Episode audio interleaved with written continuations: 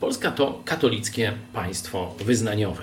Nie jest to wielkie odkrycie, ale chciałem Wam powiedzieć o pewnej ważnej rzeczy z punktu widzenia polskiego protestanta. Kiedy mówię Polska to e, katolickie państwo, nie mam na myśli tego, że większość Polaków to katolicy. Chodzi mi o to, że państwo jest zblatowane z Kościołem katolickim i jego hierarchię, jego interesy popiera, a dyskryminuje czy wręcz prześladuje innych, inne kościoły.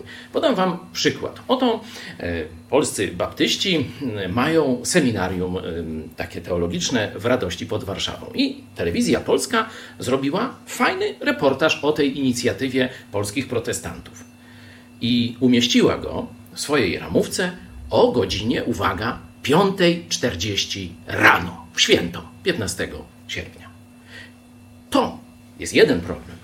Ale drugi problem jest jeszcze poważniejszy.